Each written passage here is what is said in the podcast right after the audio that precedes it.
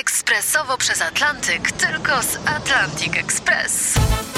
Z nami wyślesz co chcesz, kiedy chcesz, do kogo chcesz i to o 40% taniej. W Atlantic Express wysyłamy wszystko. 1 800 775 7363. Mienie przesiedleńcze, kontenery, paczki do Europy.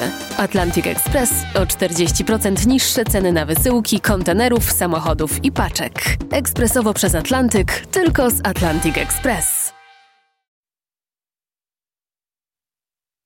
A my wraz w Radiu RMF24 nie będziemy rozmawiać o pogodzie, ale o preferencjach politycznych. Profesor Rafał Chwedoruk, politolog, Uniwersytet Warszawski jest naszym gościem. Dzień dobry panie profesorze.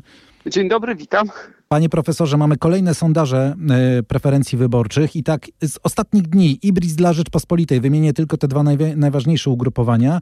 Koalicja Obywatelska 32%, Prawo i Sprawiedliwość 30%, United Service dla Wirtualnej Polski, Koalicja Obywatelska 33%, Zjednoczona Prawica 28%, ale jest też sondaż e, Ipsosu chociażby dla Okopres, Prawo i Sprawiedliwość 30, Koalicja Obywatelska 29. Różnica w granicach błędu statystycznego. To już jest tendencja, że mamy zmianę lidera na polskiej scenie politycznej? Tak, myślę, że mamy do czynienia ze zjawiskiem trwałym. E, nie chodzi w tym być może finalnie o to, że Platforma Obywatelska powróci do swoich poziomów poparcia z e, złotych lat tej e, formacji z przełomu pierwszej i drugiej dekady XXI stulecia, ale to, że będziemy obserwowali w miarę wyrównany wyścig, którym to partia Donalda Tuska będzie miała nieco większy potencjał na to, by zwiększać swoje poparcie, a Prawo i Sprawiedliwość nie. E, warto zwrócić uwagę, że mamy tutaj do czynienia z korelacją zarówno czynników sytuacyjnych, związanych z bieżącą polityką, jak i mm, zjawisk strukturalnych y, sięgających swoją genezą e, ładnych kilka lat temu. Jeśli chodzi o te pierwsze, to Prawo i Sprawiedliwość miało wielu wyborców wahających się, sytuacyjnych i tak dalej. I oni w naturalny sposób po tym, kiedy PiS y, zaczął mieć problemy, gdy partia rządząca, a potem, gdy stracił władzę, zaczęli odpływać, zniknęło sprawstwo, jeden z głównych czynników legitymizujących mm, partię Jarosława Kaczyńskiego. Do tego strategia obrana przez mm, główną formację prawicy była strategią radykalizacji, bipolaryzacji, taką, która dla wyborcy wahającego się jest z reguły trudną do przyjęcia, albowiem w polskich realiach taki wyborca najczęściej jest wyborcą dosyć umiarkowanym. Jeśli chodzi o czynniki strukturalne, mm, to już triumf PiSu w 2019 roku mm, wskazał dość kruche podstawy zwycięstw. Struktura demograficzna elektoratu PiSu była odwróconym trójkątem, to znaczy im starsza grupa, tym niższe Mm, e, poparcie.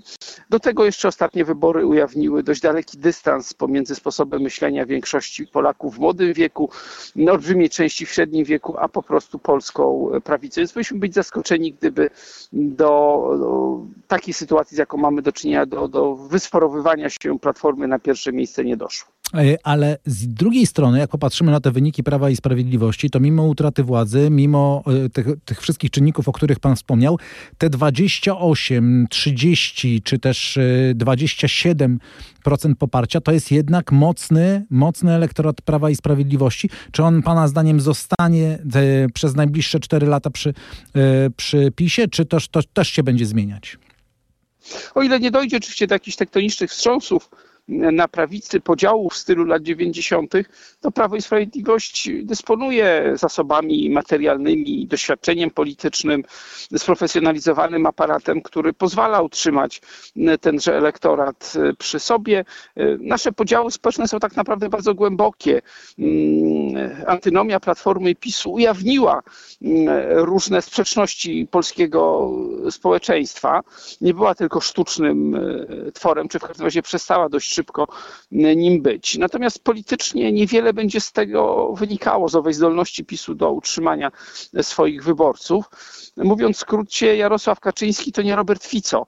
Lewicowy premier e, Słowacji w zasadzie mógł sobie dobierać koalicjantów po, po wyborach, mimo że, że jest to partia, która z niegdysiejszych ponad 40% w dwie kadencje zmniejszyła się do, do 20 kilku, no ale dysponuje bardzo szeroką zdolnością koalicyjną w sfederalizowanym tamtejszym e, Sejmie. Natomiast e, póki co zdolności koalicyjne Prawa i Sprawiedliwości w, w polskim Sejmie są, są bliskie zeru, także na poziomie wielu samorządów nie wygląda to dużo lepiej. Jeśli tego deficytu mm, Prawo i Sprawiedliwość nie, mm, nie zrekompensuje sobie to z, z poparcia rzędu 25-30%, poza możliwością jakby utrzymania partii przy, przy życiu, nie będą wynikały wprost zdolności rozwojowe.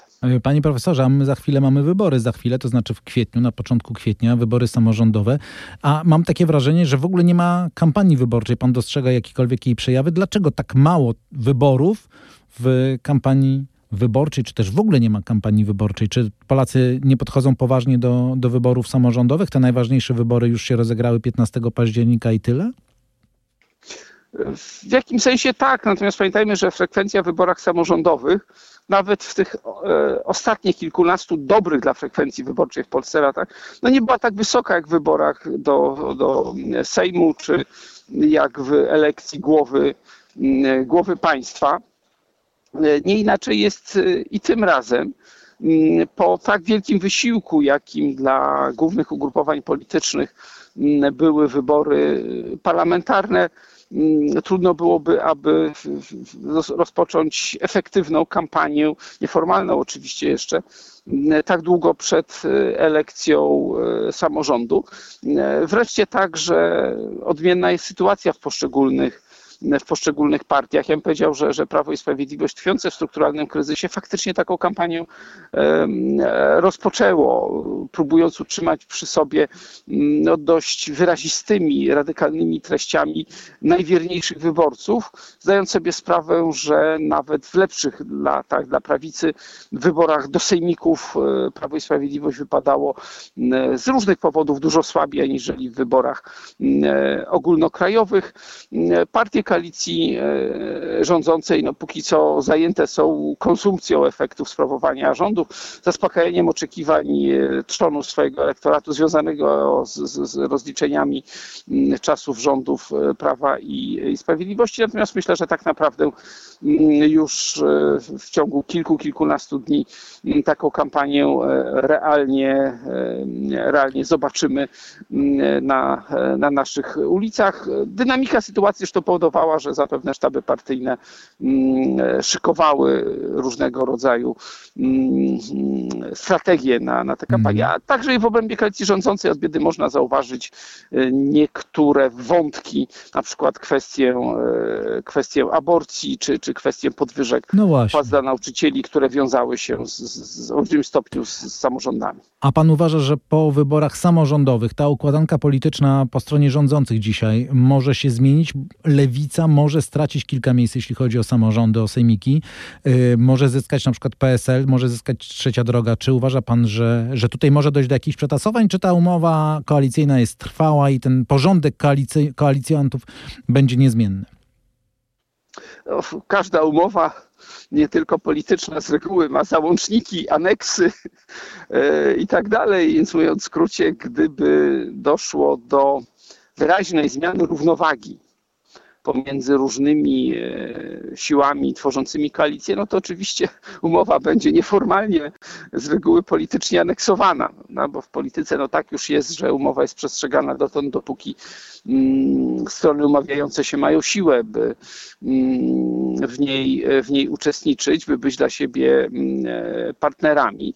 Jeśli chodzi o, o lewicę, to poprzednie wybory do sejmików województw uratowały tę formację. Sojusz Lewicy Demokratycznej wtedy z Włodzimierzem Czarzastym na czele, y, mimo że była to partia pozaparlamentarna, zdobył 6%, ponad milion głosów i, i powrócił do wielkiej polityki, co za chwilę zostało potwierdzone mm, wyborami y, do, do Sejmu i dość efektownym wejściem. I myślę, że w tym wypadku y, lewica, jeśli chodzi o sejmiki województw, walczy o, o właśnie taki wynik, który byłby wyraźnie wyższy niż 5%. Myślę, że tak naprawdę wyzwaniem dla tej partii będą dwie inne, dla tej formacji będą dwie inne kwestie. Mm, jedną to będzie sytuacja, zresztą poprzednio też to tak wyglądało, że do, na niższych szczeblach samorządu lewica startuje w bardzo różnych konfiguracjach, czasami samodzielnie, czasami z platformą, czasami z lokalnymi komitetami mm, e, i tak dalej, co, co zawsze będzie jakimś tam testem lojalności struktur. A druga rzecz to jest narastająca tendencja regionalizacji poparcia dla lewicy, to znaczy bardzo wysokie wciąż notowania, dokonując pewnego skrótu myślowego na ziemiach e, odzyskanych, także w, w, Wielkopolsce czy w mhm. Zagłębiu Dąbrowskim mm, i, i, i sławnięcie tej formacji tam, gdzie była bardziej izolowana przestrzennie, to znaczy w Polsce wschodniej i południowo-wschodniej, choćby słabnące poparcie wśród ludności prawosławnej na południu województwa podlaskiego, czy, czy, czy w Chełmie, który był takim lokalnym bastionem mm, e, lewicy. To zresztą jest tendencja, która dotyczy nie tylko, nie tylko Polski, nie tylko mm, lewicy, jeśli chodzi o, o średniej wielkości partii. Bardzo dziękuję za to spotkanie. Profesor Rafał Chwedoruk, politolog, Uniwersytet Warszawski. Dziękujemy Dziękuję panie profesorze. O wyborach samorządowych, o y, sondażach, o zmianach na polskiej scenie politycznej. Dzisiaj w rozmowie w południe w radiu RMF 24.